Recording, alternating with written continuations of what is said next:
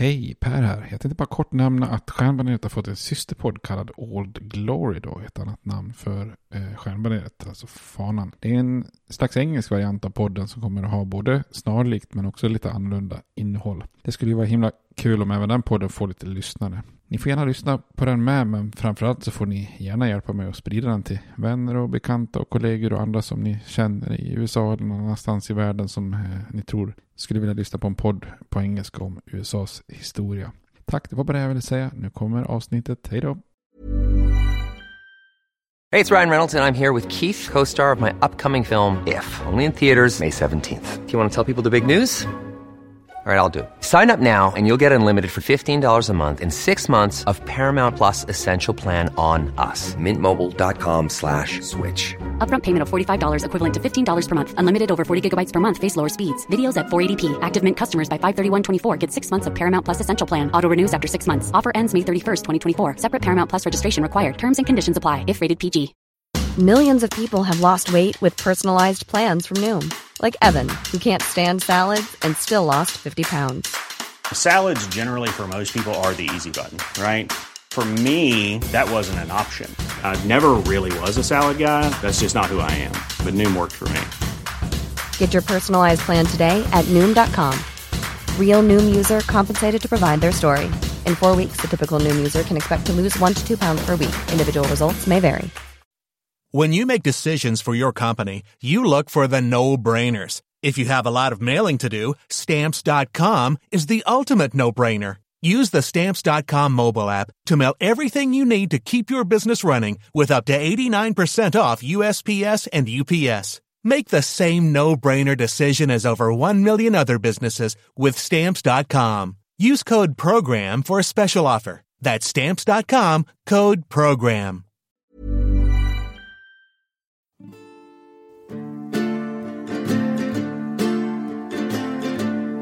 We hold these truths to be self-evident, that all men are created equal, that they are endowed by their Creator with certain unalienable rights, that among these are life, liberty, and the pursuit of happiness. Now we are engaged in a great civil war, testing that government of the people, by the people, for the people, shall not perish from the earth. And so, my fellow Americans, ask not what your country can do for you, ask what you can do for your country. I have a dream. My four little children will one day live in a nation where they will not be judged by the color of their skin, but by the content of their character. Mr. Gorbachev, tear down this wall.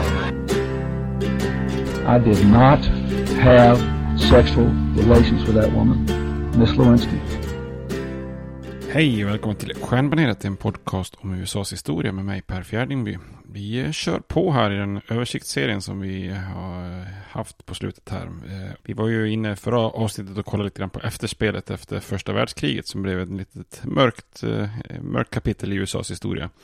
Vi såg att det var en ganska rejäl ekonomisk nedgång med rekordmånga strejker och massor av rädsla och det var rädsla för afroamerikaner så, som kunde ta för sig mer Då, den så kallade black scare och även rädsla för all form av socialism och sånt som man, man fruktade att det skulle kunna ske en kommunistisk revolution i USA då, den så kallade Red Scare, eller den första Red Scare.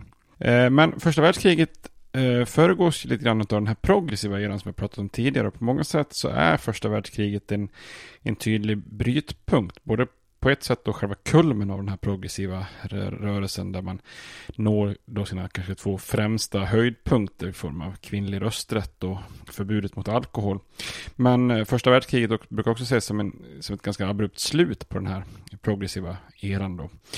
Eh, och eh, den eran som tar vid på 20-talet ses ganska mycket som en reaktion mot den här progressiva eran. Då. Så idag tänkte jag att vi skulle kolla på detta, både kulmen och eh, slutet och sammanfattningen av den här progressiva eran. Då. Innan vi gör det så, förra avsnittet så, så körde jag en liten genomgång av de här citaten som är på poddens intro. Eh, det har kommit en del frågor om vad det är för röster man hör och vilket sammanhang och så vidare. Eh, jag sa att i det här avsnittet så kommer jag förklara avslutningen. Jag har gjort det någon gång tidigare men kan ju dra det igen då. Det första man hör i när podden avslutas där är ju ett citat från George W. Bush, Walker Bush, som eh, talar om kriget mot terrorn och då eh, använder han det här begreppet Axis of Evil, ondskans axelmakter, vilket då är en slags referens till axelmakten under andra världskriget då. Och det är ju populärt citat och man, någonting som man kanske har hört väldigt ofta.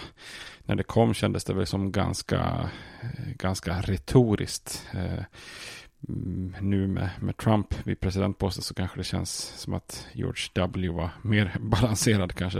Eh, men han var ju anklagad för att, att använda ett lite populistiskt språk och, och många tyckte att han räknade upp Nordkorea mest liksom för att addera så att det inte bara skulle uppfattas att krig mot terrorn var mot muslimska länder och så vidare. Men det kan man väl eh, fundera på om det var så.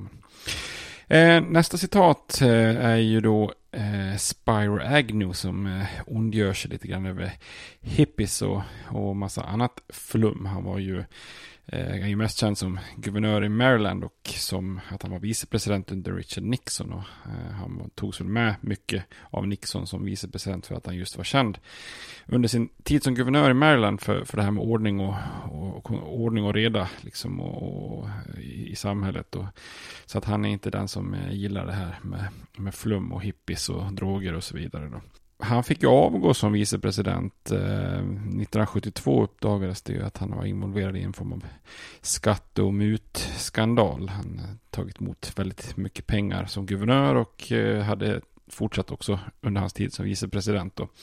Så han fick ju avgå, var en stor politisk skandal. Sen hamnade det här såklart helt i bakvattnet av Watergate-affären som kom alldeles strax efteråt då, där Nixon själv fick avgå. Men eh, eh, detta var ju skandal då, då, så att han tvingas avgå som vicepresident och det, han är ju den andra, eh, vid det tillfället då den andra som gör det.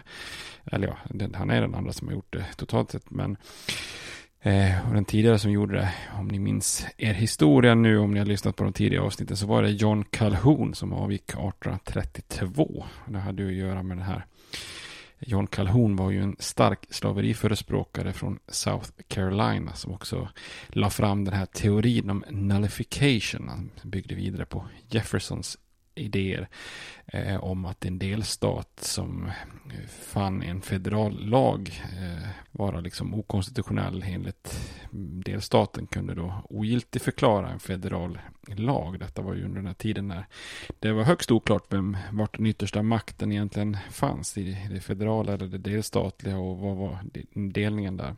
Och då kom ju den här tullkrisen eh, på 1830-talets början där. Så att, och då ville John Calhoun strida eller hålla fanan högt för sin hemmastat, delstat South Carolina och då kunde han inte gärna sitta kvar som vicepresident så då lämnade han posten frivilligt. Så det var ju ingen skandal så sett om man inte ser det som en skandal att man ifrågasätter den federala makten. Och så Eh, intressant som man kan nämna är ju att då hade man ju ett system där tidigare utsågs ju ingen ny om en vicepresident avgick så att säga. Men eh, efter konstitutionellt tillägg så gjorde man ju om reglerna och då skulle det utses en ny och då var det ju kongressen då som fick godkänna eh, Nixons nominering då och då nominerade han eh, Gerald Ford till ny vicepresident. Och sen så strax efter det så tvingades ju Nixon avgå själv och då, då blev ju Ford president. Så att han är ju därmed den enda presidenten någonsin som inte så att säga är folkvald på något sätt i ett, eh, i ett val då om man säger så. Utan bara indirekt från kongressen.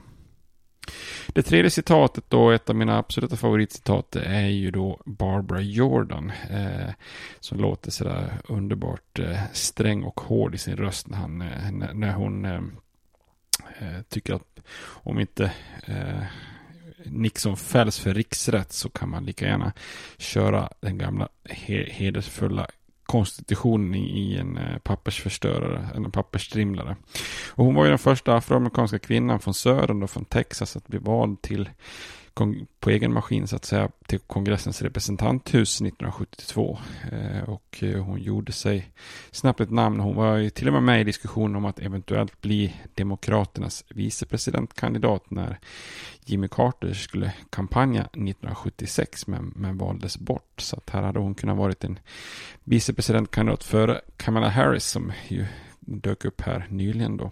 Och, och i och med att Carter vann valet så hade man kunnat spekulera i att hon i så fall hade också kunnat bli blivit vicepresident då. Men hon eh, höll eh, viktiga tal på, på partikonventet eh, 76 där och just det här citatet då som är med i poddens avslutning det är just från de här debatterna då kring Nixons riksrätt och hon blev ganska känd på det eftersom de sändes på, på tvn då.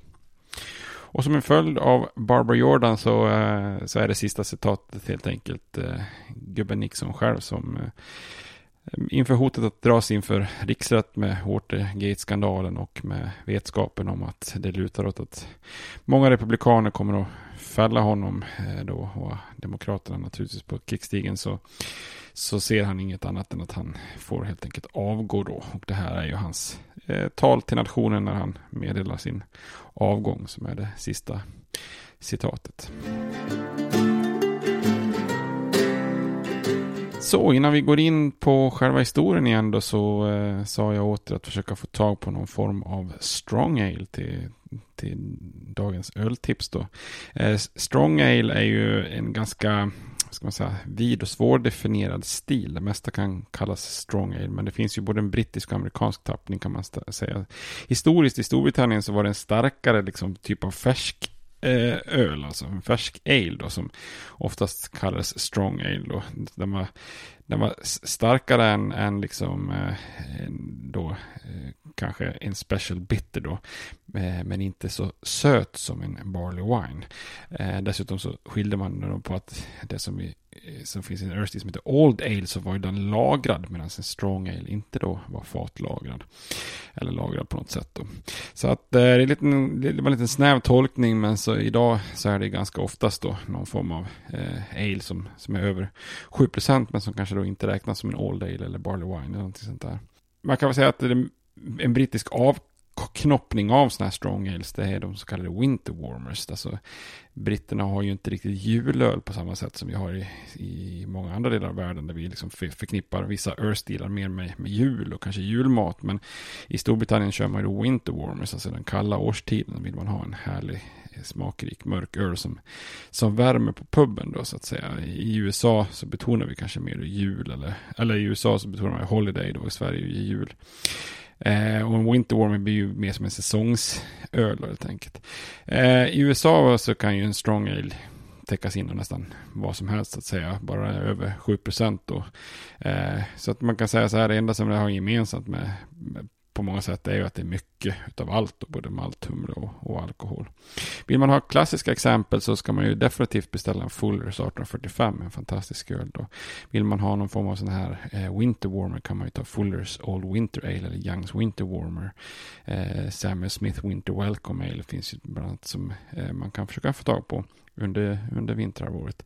Vill man ha amerikansk eh, strong ale så kan man försöka få tag på Stone Arrogant Bastard. Fantastiskt namn, bra öl. Eh, och vill man ha någon typ av holiday, alltså julaktig amerikansk så tycker jag man kan testa Great Divide Hibernation Ale som är en fantastisk och Anchor Christmas Ale kan man testa.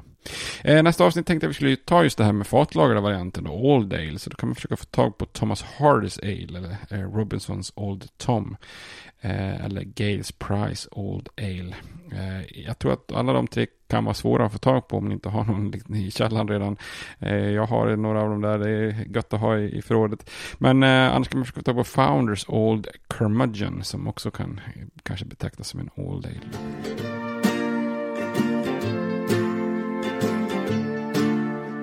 Om vi återgår till historien då så eh, så kan man ju säga då att den här progressiva eran som vi började prata om för ett antal avsnitt sedan, eh, den uppstod i slutet på, eh, på 1800-talet då. Eh, 1896 brukar man sätta ibland som startdatum.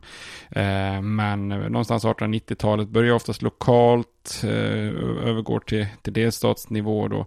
Massa olika typer av reformer för att förbättra samhället, för att göra styrelsen mer effektivt, mindre korrupt på olika sätt. Och mycket demokratiska reformer, men också mycket socialt arbete för att försöka lindra fattigdom och annat och sånt där. Då. Eh, sen kommer ju då den progressiva politiken in i Vita huset då som vi såg med Teddy Roosevelt först då, eh, följt av, av Taft och sen då av Woodrow Wilson i den, där den progressiva kom in i ytterligare en tappning då. Och det är ju under Woodrow Wilsons tid i Vita huset som den här progressiva rörelsen når sin höjdpunkt. Ehm, och här kan man väl säga att en demokratisk president på många områden då övergivit lite grann den här gamla devisen att den staten som är bäst som styr minst. Utan här finns det en hel del saker som har gjorts då på, på för, för, att eh, driva den federala staten framåt. Eh, det är ju också mycket mobiliseringen av kriget och första världskriget som vi pratar om, de här olika warboards. Eh, och på vissa håll och även rent förstatligande av vissa eh, viktiga näringar som telefoni och sånt som eh, som ger den här tydliga eh, statliga styrningen av krigsindustrin. Eh, som gör att man då löper, kan man säga, linan ut med många av de tankarna som de här amerikanska progressiva krafterna hade haft då. Eh, fast ändå inte så att det tippar över till att bli då ren socialism som vi också pratade om för något avsnitt sedan. Eh, I slutet av 1916 hade Joe Wilson i princip implementerat både sin, sitt eget reformprogram, det som han kallade för New Freedom, eh, men också var ju då då stora delar av det reformprogrammet som Teddy Roosevelt förespråkat som hade haft namnet New Nation eh, hade ju i, i princip många av förslagen från båda programmen var ju in, i, implementerade. Då.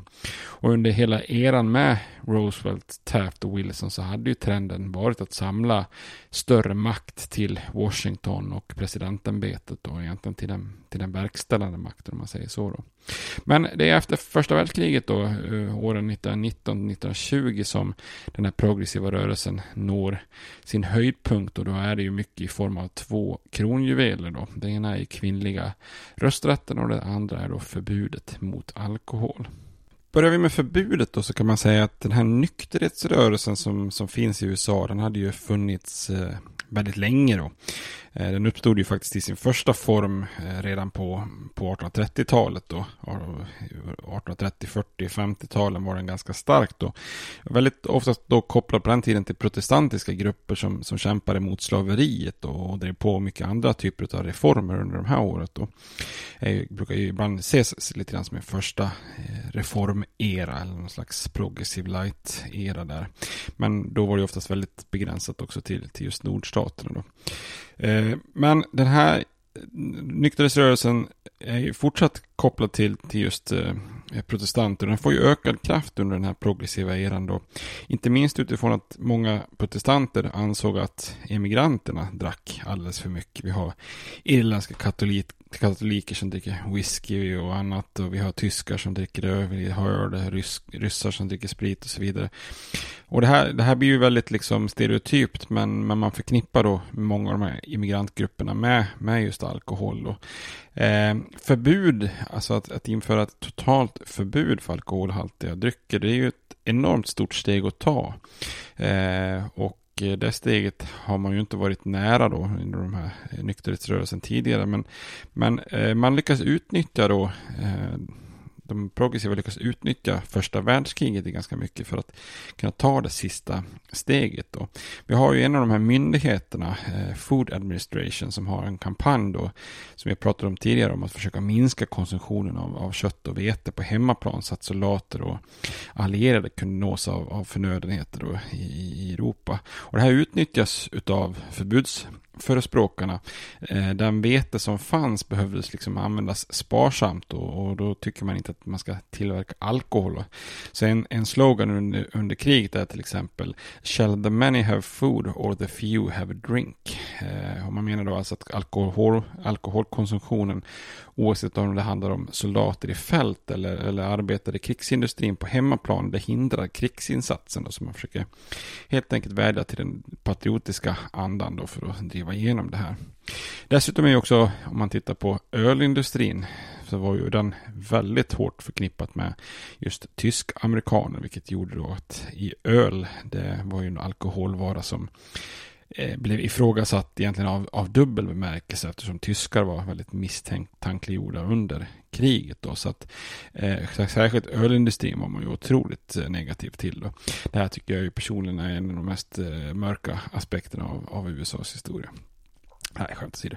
Eh, I december 1917 så, så röstade kongressen igenom eh, förslaget om ett eh, 18 tillägg till konstitutionen eh, om ett förbud av alkohol. Eh, olika organisationer då med det här Anti-Saloon League i spetsen eh, inledde ju då sen snabbt en kampanj för att få tillräckligt med delstater då, tre fjärdedelar, att ratificera det tillägget.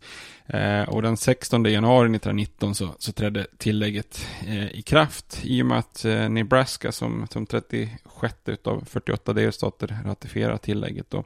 Och därmed var liksom vägen öppen eh, konstitutionellt för, för ett förbud.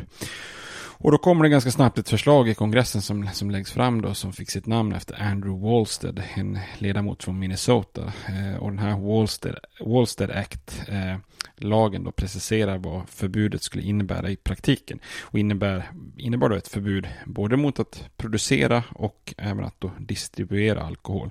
Också lite grann hur det skulle övervakas naturligtvis också.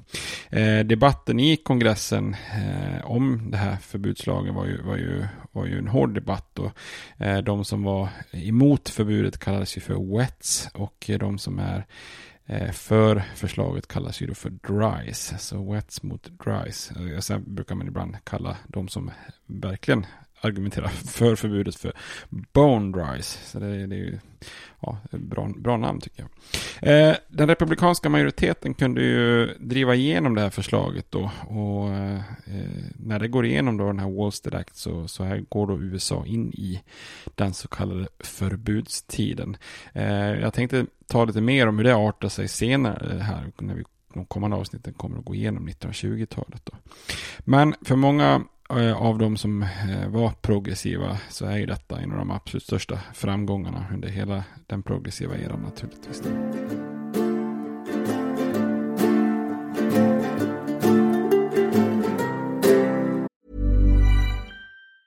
Hej, det är Ryan Reynolds och jag är här med Keith, co-star of my upcoming film If, only in theaters May 17th. Do you want to tell people the big news?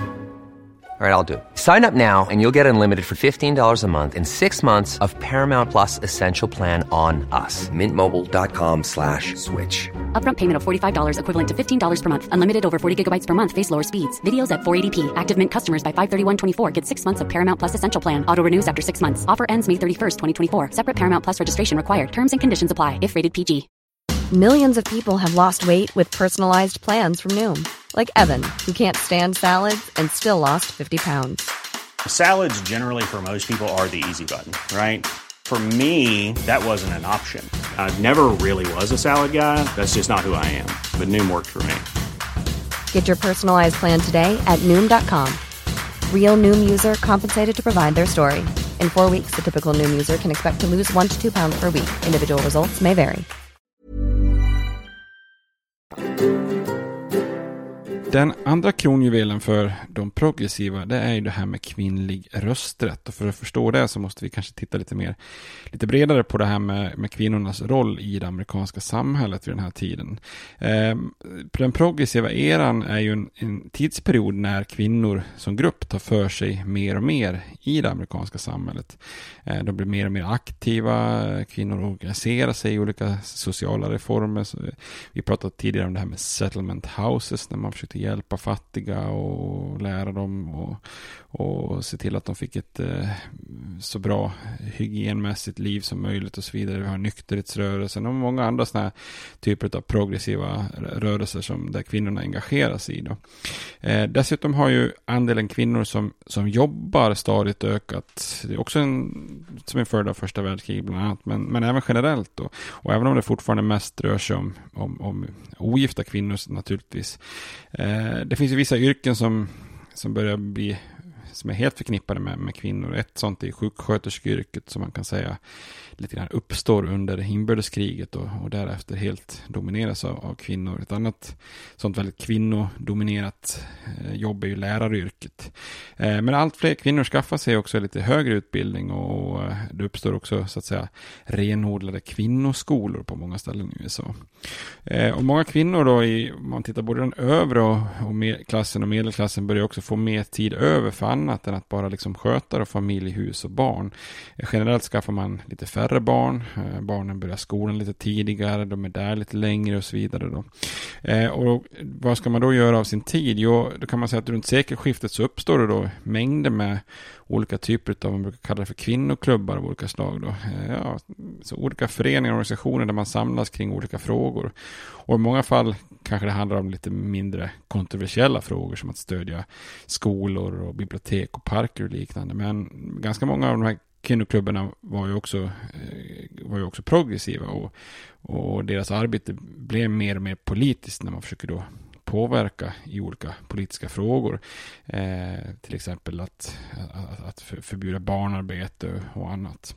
Så runt sekelskiftet då när de här klubbarna växer fram och kvinnor tar för sig allt mer och organiserar sig allt mer så brukar man då runt sekelskiftet prata om the new woman, den nya kvinnan alltså som hade ett slags självbestämmande och som inte bara liksom accepterar sin roll som hemmafru och, och mamma och vara instängd i i hemmet som en slags separat sfär avskild från männens samhälle där, där männen är de som, som alltid ska vara de som pratar ekonomi och, och politik. Då.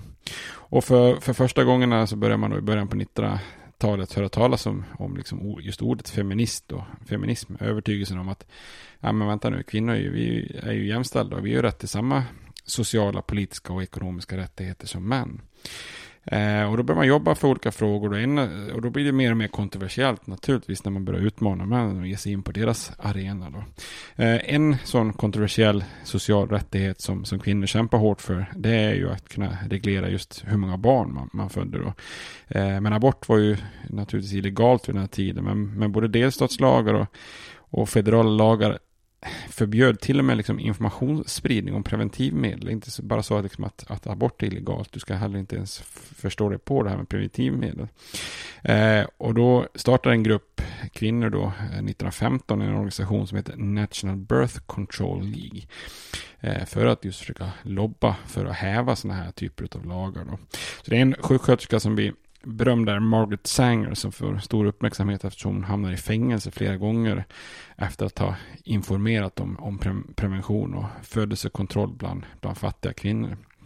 Ja, det shit, vilket hemskt brott. Klart man måste sitta i fängelse för sånt. Eh, den politiska rättighet som, som kvinnor börjar kräva eh, som, som, är, som är kanske mest progressiv, det blir ju också det, det här med rösträtt. Och, och, det blir en viktig kampfråga för kvinnor under eh, den senare delen av eh, den progressiva eran. Och för oss idag så är det kanske underligt att det här var så otroligt kontroversiellt. Men på den här tiden var ju frågan om kvinnlig rösträtt ansedd som oerhört eh, radikal. Då. Eh, vi har ju de tidiga pionjärerna för kvinnliga rösträtten. Det är ju Susan B. Anthony och Elizabeth Cady Stanton. Eh, och de här, nu, nu när den här seg, frågan seglar upp igen så var ju de vid den här tiden veteraner. Eh, de var ju med liksom redan 1848. Vi pratade då om det viktiga kvinnorättsmötet i Seneca Falls då. Eh, där hade ju eh, Anthony och Stanton haft möte då Tillsammans bland annat med sådana kända abolitionister eh, som bekämpa, ville bekämpa slaveriet och som de här Grimke-systrarna, eh, Harriet Beecher Stowe, hennes syster och så vidare. Då. Men efter inbördeskriget då när slaveriet är avskaffat så, så grundar Susan Anthony och eh, Elizabeth Stanton då eh, organisationen National Women Suffrage, Suffrage Association då som, som stödde kravet på att det femte Eh, femtonde tillägget till konstitutionen skulle inte bara ge afroamerikaner rösträtt utan också kvinnor rösträtt. Eh, när femtonde tillägget som ni kommer ihåg, det är de här eh, kända då, 13, 14 och 15 tillägget som kom under rekonstruktionseran som försökte då ge tillbaks liksom rättigheter och, och alltså avskaffa slaveriet, ge medborgerliga rättigheter och säkra rösträtten för afroamerikaner. Eh, det slår ju fast då det femtonde tillägget att eh, rösträtt inte skulle kunna hindras på grund av just ras. Eh, men i formuleringen skrevs att det är rösträtt för män som inte fick hindras på grund av ras. Då. Och det här gjorde ju naturligtvis Anthony och Stanton och andra feminister upprörda. Eh, de ville ju säkra rösträtten då, men, men inte bara för afroamerikanska män utan också för, för kvinnor, eh, såväl vita som, som svarta. Då. Eh, så Stanton kämpar emot 15 tillägget och menar att om man inför ordet man i, i samband med rösträtt i konstitutionen så skulle det ta en evighet innan kvinnorna fick rösträtt. För tidigare hade inte kön nämnts i konstitutionen i samband med rösträtt. Eh, eh, det som hade liksom hindrat kvinnor var ju väldigt mycket delstatslagar och att ändra i konstitutionen då inför det här ordet så skulle det vara ett stort steg tillbaks då. Andra, andra feminister stödde tillägget och menar att ja, men det är bra om svarta män får rösträtt först för då kommer kvinnor också snart att, att få rösträtten då.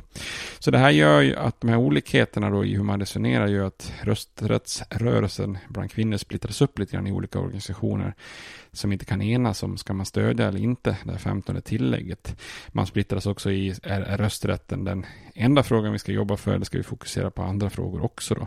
Så det här är lite grann som abolitionisterna då, slaverimotståndarna innan inbördeskriget som också splittras ibland i olika organisationer därför att man är inte riktigt överens om, om vilken väg man ska ta framåt mot sina mål. Ska man ge sig in i politiken eller inte? Ska, det, ska vi bara satsa på slaverimotstånd eller även nykterhet och annat så att säga.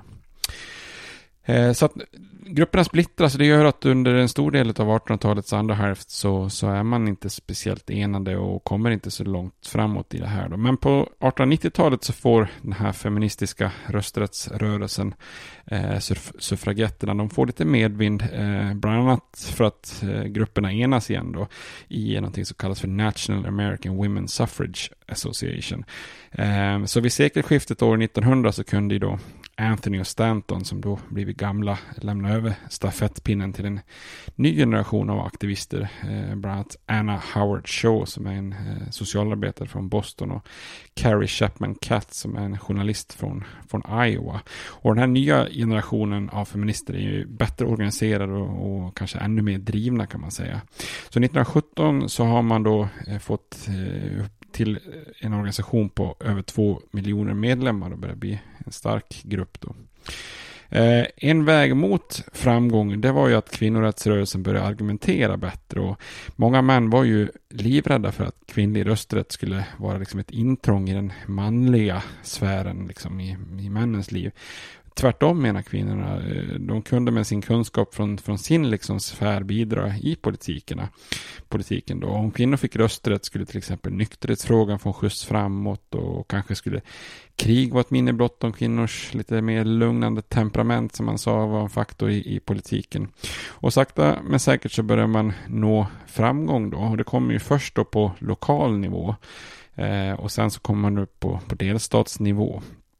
Eh, ett av de eh, områden som är tidigt ute är ju Wyoming. Då redan som när man organiseras som territorie, Wyoming-territorie, 1869 eh, så ger man kvinnor rösträtt. Och när sen territoriet Wyoming tas upp som en delstat 1890 så tillåter man kvinnor att, eh, att rösta i delstatsval. Eh, tre andra stater i väst eh, hängde på då, Colorado 1893 och Utah och Idaho 1896. Eh, men samma år blir det en motgång när man in, mot folkomröstning i Kalifornien säger nej till kvinnlig rösträtt. Eh, det blir lite stiltje precis där runt sekelskiftet, men eh, 1910 så, så börjar man återigen nå framgångar. Då är det delstaterna Washington följt av Kalifornien som då i en folkomröstning också eh, 1911 eh, godkänner kvinnors rösträtt i delstaten. Eh, och som följts sen då av ytterligare några stater i form av Arizona, Kansas, Oregon och så vidare som, som, som ger då full rösträtt till kvinnor. Då. Eh, den här kvinnokampen får också en väldigt stor framgång 1916 när Jeanette Rankin från Montana blir den första kvinnan eh, att någonsin väljas till kongressen då. Hon sitter i, i representanthuset. Jag tror vi nämnde hennes namn då i samband med att hon röstade emot eh, Eh, USAs inträde i första världskriget. Då. Men hon var just född på, på en ranch i, i väster då och eh, var ju utbildad eh, socialarbetare och väldigt aktiv suffragett, alltså eh, aktiv i kampen för kvinnors rösträtt. Så att, att hon kommer in i kongressen blir ju naturligtvis en, en extremt eh, viktig symbol. Då. Eh, det som är, om ni har lyssnat på de delstaterna som jag har nämnt nu så är ju de här framgångarna lite anmärkningsvärda rent geografiskt. Därför att hittills är det enbart delstater väster om Mississippifloden som, som har gett kvinnor rösträtt. Och, eh, I den östra delen av USA så är det mer konservativt. Då. Eh, men det här börjar också sen luckras upp. Då. 1913 så får kvinnor i Illinois som första delstat öster om floden då, rösträtt, men bara i vissa val. Då. Men sen 1917-18 kommer det äntligen lite större framgångar då, eh, även i öst när både New York och Michigan eh, ger full rösträtt för kvinnor. Då. Så 1919 eh, då är vi framme vid att 39 delstater har gett kvinnor rätten att rösta i åtminstone någon form av val. Då. Eh, och 15 delstater har gett dem rätt att rösta i alla val i delstaten. Men då återstår ju den nationella, alltså den federala nivån. Eh, både för att liksom då Eh, få rösta i, i federala val, men också då för att försöka tvinga in konserva stater, konservativa stater i ledet. Tittar man till exempel på södern så är det ju inte speciellt populärt med kvinnlig rösträtt. Männen i, männen i södern, de vill hålla både afroamerikaner och kvinnor på sin plats. Så att säga. Eh, redan 1878 så hade ju Kaliforniens senator Aaron Sargent introducerat ett eh, tillägg till konstitutionen som han döpte efter Susan Anthony. Då. Så det brukar kallas för Anthony-tillägget. Eh, men det hamnade ganska snabbt vilande, låg vilande ett antal år fram till 1887. Då tar man upp det och så röstar man ner det så att säga. 1914 så introduceras det igen då under, under första världskriget. Eh, eh men eh, röstas ner då i senaten. Eh, 1918 så görs ett nytt försök och då går det ju faktiskt igenom representanthuset. Men trots att eh, presidenten Woodrow Wilson vädjar om att man ska rösta igenom det så, så säger man nej i senaten. Då. Och så där håller man på då under de här åren, 1918-1919. Då röstas det liksom om förslaget med, med kvinnlig, rösträtt, röst, kvinnlig rösträtt. Det här så kallade Anthony-tillägget då. Eh, flera gånger så. Men det är alltid någon av kammarna i kongressen som röstas ner då med några enstaka rösters marginal och så vidare. Då. Och det är oftast ledamöter från södern som gör ett hårdnackat motstånd, eh, speciellt i senaten. Då. Eh, utanför kongressen så står ju då kvinnorörelsen och protesterar och trycker på då. Och till slut då, våren 1919 så röstar hela kongressen igenom förslaget och så går det ut då eh, till delstaterna för ratificering då. Och i augusti, redan, redan augusti året på 1920 så hade nödvändiga tre fjärdedelar av delstaterna ratificerat eh, tillägget då, och kvinnor hade därmed då nationell rösträtt. Så det innebar då helt plötsligt att 26 miljoner kvinnor hade rösträtt i nästa presidentval 1920. Då.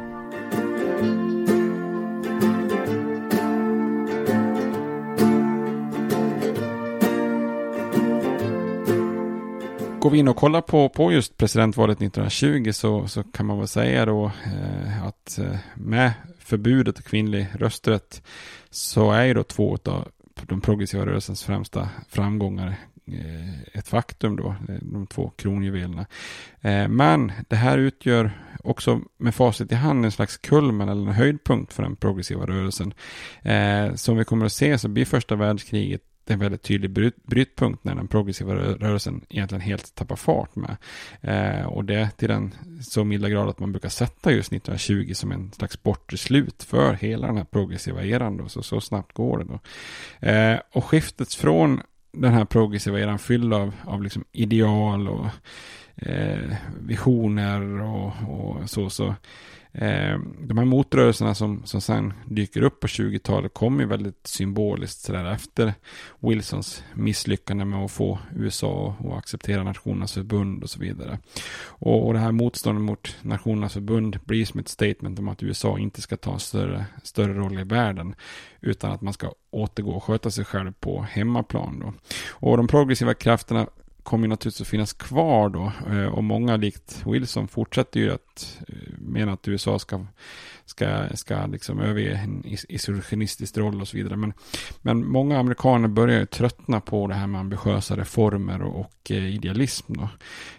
Så allt fler börjar prata om att man vill återgå till det normala som man sa på den tiden. Och det här kommer verkligen att då prägla det här presidentvalet 1920 när kvinnorna får rösta för första gången presidentvalet 1920 kunde ha stått mellan Theodore Roosevelt och Woodrow Wilson, men, men, så blir det ju naturligtvis inte då, för Wilson är ju alldeles för klen för att kunna ställa upp för Demokraterna. Ni kommer ihåg, han fick, blev ordentligt sjuk och kunde ju inte ens eh, praktiskt agera som president under en, en tidsperiod till och med.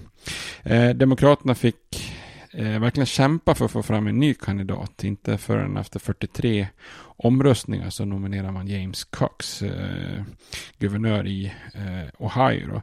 Eh, och som vicepresidentkandidat utser man Franklin Roosevelt från, från New York som vi naturligtvis kommer att prata betydligt mer om senare eftersom han blir en legendarisk president. Då. Många republikaner förväntar sig ju att Theodore Roosevelt ska bli partiets kandidat. Men i januari 1919 så, så dör han lite, lite oväntat. Eh, och istället för att nominera någon framstående men kontroversiell kandidat så väljer man helt enkelt senatorn Warren Harding från Ohio som åtminstone många tyckte såg presidentlik ut eh, och eh, hade då väldigt få fiender. Så man ville liksom ha en väldigt eh, okontroversiell, valbar eh, kandidat. Som vicepresident ut, eh, president utsåg man Calvin Coolidge från Massachusetts som bland annat slog ner den här polisstrejken som vi pratade om i förra avsnittet. Eh, en fråga i det här valet 1920 är ju såklart fredsfördraget och Nationernas förbund som, som ni minns var en väldigt öppen fråga då som, som, som hela tiden hade skjutits på och där man inte kom överens. Så Cox och Demokraterna stod ju bakom Wilson och, och bakom fredsfördraget och Nationernas förbund. Medan eh, Harding han duckar frågan eh, men kom i slutet av, av valrörelsen ut som motståndare till fredsfördraget. Då. Eh, det här fredsfördraget hamnade dock i bakgrunden i valet 1920.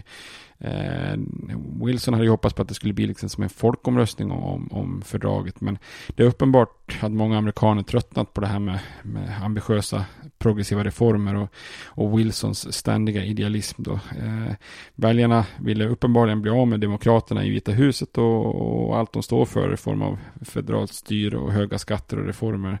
Eh, nu räckte det liksom med progressiva reformer och rättvisekamp. Som kontrast då så förespråkade Harding en, en klassisk republikansk eh, agenda som inkluderar höga tullar, eh, låga skatter, slut på federal social lagstiftning, restriktioner för immigranter och, och hjälp till bönder. Och, och Harding förespråkar också en återgång till, till mer traditionella värden. Och han lyckas fånga väljarna med, med sitt budskap då. Han säger så här, America's present need is not heroics, but healing. Uh, not nostrums, but normalcy. Not revolution, but restoration. Och hans budskap om återkomst till det normala, det normalcy som han uh, säger lite halvkonstigt. Eh, det fastnar liksom i, hos uh, väljarna då. Man vill ha en återgång till, till någon slags mer normal läge då. Så 19, valet 1920 blir ju en republikansk storseger kan man säga. Harding vann samtliga delstater utanför den traditionella traditionellt starka demokratiska Sören. Då. Så han får 404 elektorsröster mot eh, 127 för, för demokraten Cox. Då. Eh, dessutom vann man en väldigt komfortabel majoritet i kongressens båda kammare. Då, så att här får ju republikanerna verkligen greppet om både kongressen och eh, presidentposten. Då. Och som jag nämnde tidigare så är ju det är ju inte de enda kandidaterna. Det, även eh, Eugene Debs och Socialistpartiet ställer ju upp i presidentvalet 1920. Men om ni minns, vi pratade, Debs eh, sitter ju i fängelse 19, från 1918. Så det är ju minst sagt knepig situation där, där han, hans första åtgärd efter valet i så fall, om han vinner, borde, måste bli att benåda sig själv då. Eh, och han fick ju återigen 900 000 röster då, men eftersom befolkningen hade ökat så mycket så innebär det här att Socialistpartiet bara fick ungefär 3,5 procent av rösterna totalt.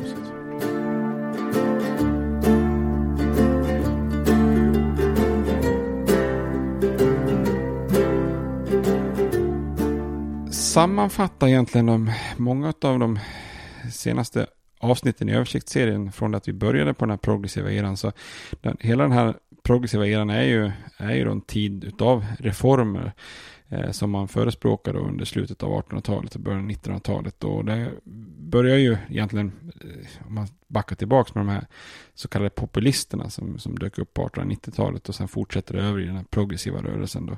Och den här etiketten progressiv, den finns ju kvar än idag. Så fort du är lite för lite reformer och åtgärder och så vidare så, så blir du och li, kanske lite mer eh, liberala så blir man ju kanske och får den här etiketten progressiv. Och den togs ju av många politiker vid den här tiden från båda partierna. Eh, och även då olika reformgrupper som inte ens var politiskt aktiva då. Och att vara progressiv betydde ju olika för olika människor, men i grund och botten så hade det ju varit en motreaktion mot det här tidigare sociala darwinismen och laissez-faire-politiken som, som, som skapat så otroligt mycket problem och orättvisor under den här fyllda eran. Så den progressiva eran var ju en, en kan man säga, på visst sätt en optimistisk tid där, där förespråkare av reformer eh, antog att alla problem hade någon form av, av, eh, lösning då. Så det hade ju börjat med reform i städerna, fortsatt med reformer i delstaten för att i början av 1900-talet nå den federala staten. Och tillsammans hade ju de här eh, som brukar sägas, kallas ibland då för de progressiva presidenterna då, Roosevelt, Taft och Wilson.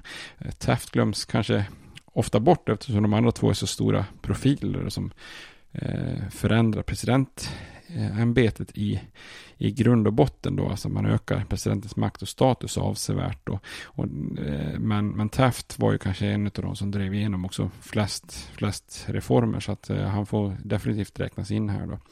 Och ett arv då eh, som alla presidenter efter de här tre kan bygga vidare på då är ju den här nya lite starkare presidentmakten då. Och då blir ju kontrasten till den här förgyllda erans presidenter som Hayes, Garfield, Arthur, Cleveland och Harrison. Det blir ju ganska det blir ju ganska stor då så att säga. Det brukar man snarare kalla dem för de okända presidenternas eran. Eh, både Rose, Roosevelt och Wilson hade ju eh, också skapat ett skifte lite grann i folks syn på den här federala staten och offentliga åtgärder. 1901 bestod den federala staten av, av ungefär 230 000 tjänstemän. Eh, 1916 hade det ökat till 350 000. Eh, och hela den här progressiva eran är ju en tid då många amerikaner såg på staten som en positiv kraft för sociala reformer och, och statens möjlighet att via regleringar och myndigheter skydda allmänhetens intressen mot näringslivet och, och orättvisor. Då. Eh, Washington DC tar, kan man säga, på många sätt sina första steg till att verkligen bli ett slags maktcentrum. Tidigare har det mest bara varit en plats där presidenten och kongressen samlas, så att säga. Eh, den progressiva rörelsen hade ju också i början av 1900-talet haft eh, blivit en väldigt stark kraft kan man säga som, som verkligen satt avtryck i det amerikanska samhället. Och 1912 till exempel är ju ett unikt presidentval med i princip fyra progressiva kandidater i samma val då, i form av Roosevelt, Taft, Wilson och, och Debs. Eh, så att det här, det, det är liksom eh, unikt på många sätt. Men med det sagt så ska man ju heller kanske inte överdriva den här progressiva rörelsen och de här progressiva presidenterna. De ökar ju statens kapacitet att styra samhället. Men de här djupt eh, hållna amerikanska attityderna, alltså individualism och begränsad statsapparat och liksom självhjälp. Eh, det fanns ju fortfarande ja, väldigt djupt rotade i amerikans, amerikanernas DNA. Då. Eh, den här progressiva eran löste ju knappast alla nationens problem och, och landet kom ju kommer ju inte på, alls att präglas på samma sätt som många av de europeiska som gör med starka socialdemokratiska partier som genomför omfattande välfärdsprogram första halvan av 1900-talet. Eh, så den här progressiva eran är ju en tid som är fylld egentligen av paradoxer och ironi då. Trots allt prat om, om demokrati så förblev ju afroamerikaner utan politiska rättigheter. Och ju längre 1900-talet kom desto, desto lägre blir valdeltagandet i landet. Eh, så att det här är en paradox. Och trots allt prat om öppenhet och rättvisa så uppstod liksom väldigt mycket främlingsfientliga rörelser som ville minska och hindra immigrationen. Och trots allt prat om att öka vanliga, vanligt folks makt över sin vardag så innebär progressiva reformer att en hel del makt för, för, över människornas vardag snarare flyttades från folkvalda demokratiska politiker eh, till olika typer av styrelser och myndigheter och experter. Så att, eh, här kan man ju se en era full av, av, av paradoxer och lite ironi. Då. Eh, man kan också, om man drar ut tidsperspektivet, motsäga motsäga sig den här beskrivningen av att den progressiva reformeran var slut 1920 då. Det blir som vi ser lite av en paus under, under 1920-talet. Men sen kommer det ju en ny våg av progressiva reformer under Franklin Roosevelt då, när han sätter igång med sin nya giv, eller sin New Deal-programmet. Då. Eh, och det kommer ju under andra halvan av 1930-talet. Så det beror ju lite grann på hur man drar ut linjerna i historien och hur man sätter start och eh, slutpunkten naturligtvis. Då.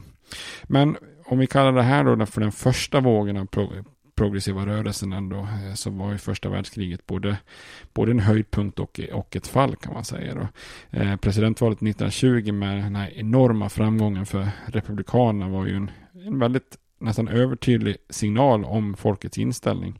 Första världskriget hade gjort många progressiva, lite desillusionerade och vilsna och Wilsons grusade idealistiska drömmar om att säkra en demokratisk värld och den här oredan på hemmaplan med, med Black Scare och Red Scare hade liksom fått luften att gå ur de progressiva rörelserna. Eh, sviterna utav allt detta kom ju sen då under 1920-talet som vi kommer att se. Som är en väldigt eh, spännande Eh, tid. Då.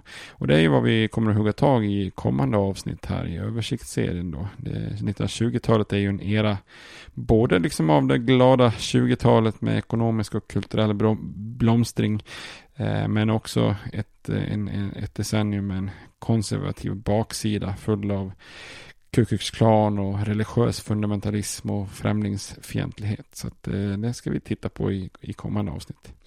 Tills dess så får ni ha det bra. Och missa nu inte citaten här när eh, musiken sätter fart. Ha det gott, hej då! States like these and their terrorist allies constitute an axis of evil. And if the hippies and the yippies and the disruptors of the systems that Washington and Lincoln as presidents brought forth in this country will shut up and work within our free system of government, I will lower my voice.